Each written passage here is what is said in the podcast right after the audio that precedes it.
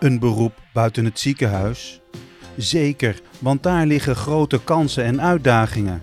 Als je aankomt op je werk, kan het zijn dat je in de ochtend ja, praat met iemand over wat het leven voor hem of haar betekent, hoe ze denken over doodgaan. Benieuwd naar de mogelijkheden? In deze podcastserie vraagt geneeskundestudent Pim Staugie artsen die werken buiten het ziekenhuis de hemd van het lijf. Hè, hoe gaan we om met de vergrijzing? En hoe gaan we om ehm, hè, dat er steeds minder handen aan het bed zijn? Vandaag spreekt Pim met specialist ouderengeneeskunde Carolien Biesheuvel-Lelyveld. Carolien, welkom. Dankjewel. Uh, waar werk je en wat is je functie precies? Ik werk als specialist ouderengeneeskunde bij Cordaan. En hoe ziet dan een werkdag bij Cordaan eruit? Nou, mijn doelgroep uh, bestaat uit uh, kwetsbare oudere patiënten. En ik werk op de revalidatieafdeling. Specialisten ouderengeneeskunde die kunnen in allerlei takken van sport werken. Uh, een voorbeeld daarvan is de revalidatieafdeling waar ik werk. En uh, ja, wij doen eigenlijk ons best om patiënten die tijdelijk niet thuis kunnen wonen, om die uh, te revalideren, zodat ze weer zelfstandig thuis kunnen wonen. Um, en hoe ziet dan mijn dag eruit? Nou, s ochtends uh, loop ik visite. En nou, meestal in de middag heb ik een aantal uh, familiegesprekken. Waar vindt het allemaal plaats? Specialisten oudergeneeskunde kunnen ook buiten het verpleeghuis werken. En mensen thuis bezoeken. Dan werk je dus in de eerste lijn. En dat is wat ik ook zo leuk vind aan uh, ouderengeneeskunde. Dat het heel breed is. Ik vond het lastig toen ik in het ziekenhuis werkte. Want ik dacht, ja waarom ben ik nou eigenlijk dokter geworden? En als ik me dan met één stukje van een puzzel bezig hield in het ziekenhuis en ik ging weer naar huis, dacht ik, ja, heb ik nou echt gedaan wat voor deze patiënt het beste was? Uh, en pas toen ik in aanraking kwam met de oudere geneeskunde, dacht ik, ja, dit is waarom ik dokter geworden ben. Want je hoeft niet naar één probleem te kijken. Je, brengt eigenlijk de hele patiënt helemaal in kaart in uh, verschillende domeinen. En dan mag je ook overal een oplossing proberen te vinden. Dus als iemand komt met ik heb last hè, of ik ben bijvoorbeeld benauwd, dan moet je eigenlijk veel uh, verder kijken naar uh, ja, wat die patiënt nodig heeft. Je, kan, je moet gaan kijken hoe gaat het thuis eigenlijk bij die patiënt. krijgt hij voldoende thuiszorg? Is het misschien handig om een fysiotherapeut in te schakelen, een ergotherapeut? En je hebt ook gesprekken met patiënten over hun kwaliteit van leven.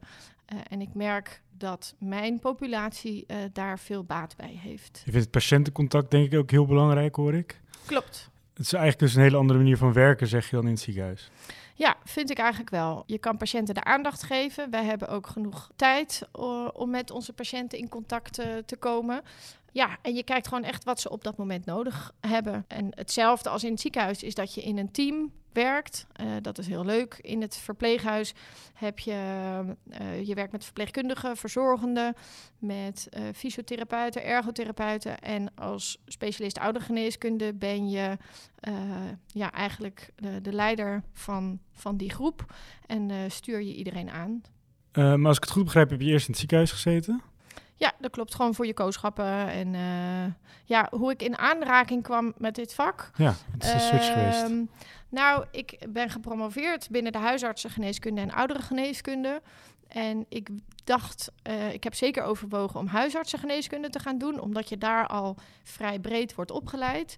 Um, maar toen dacht ik toch ook, jeetje, krijg ik daar in die tien minuten wel het verhaal van die patiënt boven tafel en voel ik me dan een goede dokter?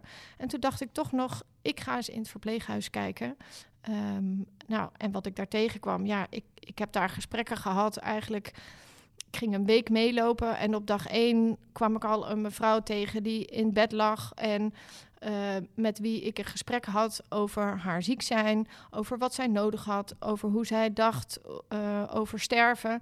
Uh, en dat, dat raakte iets. En toen dacht ik, ja, dit, dit is wat ik wil. maar dat was eigenlijk door toeval. Want toen ik me ging oriënteren, was er nog geen verplicht kooschap. Of je kwam niet op een andere manier in aanraking nee. met oudere geneeskunde. En ik ben nu dan ook wel echt ambassadeur van ons vak. Uh, om te zorgen dat dat wel gebeurt, dat het in het curriculum komt, uh, dat ik in, op workshops praat over ons vak. Um, zodat hey, je hoeft het niet te kiezen, maar je moet het wel meegemaakt hebben om het mee te nemen in je opties. Ja, want wat jou zo trekt eraan is dus dat je eigenlijk veel meer aandacht hebt voor één patiënt en kijkt naar het totaalplaatje van zo'n patiënt. Ja, dat klopt. En ik ik vind de thema's die met complexe ouderenzorg te maken hebben heel leuk. Uh, er is zeker een deel medisch. Um, maar ik denk dat je als specialist oudergeneeskunde, dus als dokter, ook veel kan betekenen uh, in zingeving. En ik vind dat een heel leuk onderwerp. Dus dat je gewoon, hè, gewoon je fiets naar je werk. Um, en als je aankomt op je werk, kan het zijn dat je in de ochtend ja, praat met iemand over wat het leven voor hem of haar betekent. Wanneer, het, uh, hè, wanneer pijn niet meer draaglijk is, hoe ze denken over doodgaan. Um, ja, en vervolgens ga je lunchen met je collega's en dan heb je zoiets moois al gewoon in je dag erop zitten. Ja. Um, en dat vind ik heel leuk. Het valt ook niet in protocollen te vangen. Uh, er zijn weinig richtlijnen voor de doelgroep die wij hebben. Dus ik kan het ook niet opzoeken in boekjes. Um, hè, dus ja, het is leuk als je wat levenservaring meeneemt om dat soort gesprekken te voeren. Um, dus dat is leuk, ja. Um, maar nu dan terug eigenlijk naar het, hoe je erbij bent gekomen. Mm -hmm. Want je mhm. zegt, ja, ik ging al naar de huisartsgeneeskunde. Was dat al, ik bedoel, hoe, hoe heb je die stap al gemaakt? In het ziekenhuis... Hè, de, voor heel veel mensen is het wel geschikt en past het heel goed. Maar ik dacht bij dokter zijn meer echt aan helpen. En hier ging het vaak om een heel specifiek probleem, een heel uh, specialistisch probleem. En daar bestond een protocol voor. En dan kan je dat probleem oplossen. Maar ik had er niet het gevoel: heb ik jou nou echt geholpen? Nu jij daar zo in bed ligt, hè, er speelt volgens mij veel meer. Uh, dus dat gaf mij geen voldoening. En dat vond ik dus ook lastig, want ik dacht, ja, ik wil wel dokter zijn en ik heb ja. geneeskunde gestudeerd. Hoe moet dat verder? Uh, en dus dan was de volgende stap huisarts. En toen dacht ik, nou, dan zoek ik het buiten het ziekenhuis, uh, binnen de huisartsengeneeskunde. Nou, dat had me ook echt wel een heel mooi vak geleken. Maar binnen de oudere geneeskunde, ja, valt eigenlijk dan alles op zijn plek, omdat daar ja, ook andere thema's me aanspreken. Er moet ook nog heel veel ontwikkeling in de oudere zorg plaatsvinden. Hè? Hoe gaan we om met de vergrijzing?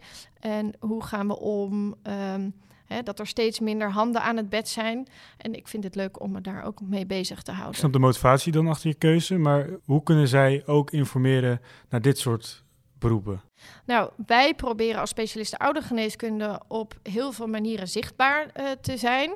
Dus als er bijvoorbeeld informatieavonden zijn voor co-assistenten uh, of als er workshops georganiseerd worden, zou ik iedereen aanraden om niet meteen naar het meest logische uh, beroep te gaan kijken wat je misschien in je hoofd had, maar je dus breed te oriënteren om te zien wat er nog meer uh, mogelijk is. Ik heb laatst bijvoorbeeld een, een workshop gehouden voor heel veel co-assistenten. Er waren 90 co-assistenten online en voor elke uh, vakgroep mocht iemand wat vertellen over zijn vak.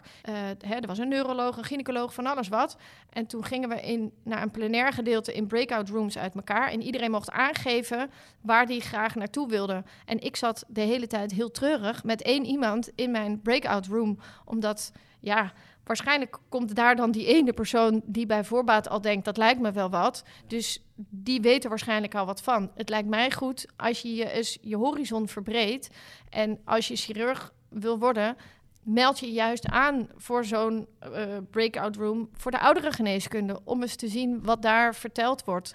Al is het alleen maar dat je in elk vak wat je gaat doen met complexe, kwetsbare patiënten te maken krijgt. En als je als chirurg iemand hebt geopereerd, dan revalideert hij daarna bij de specialist oudere geneeskunde. Dus ook in die zin is het goed om je horizon uh, Gewoon te zo breed mogelijk kijken. Ja. En oké, okay, dan wil ik jou nu vragen. Uh, stel je voor, je moet je beroep pitchen. Waarom zou ik als geneeskundestudent of mijn medestudenten nou voor jouw vakgebied moeten kiezen? Kun je dat in een minuut pitchen voor mij?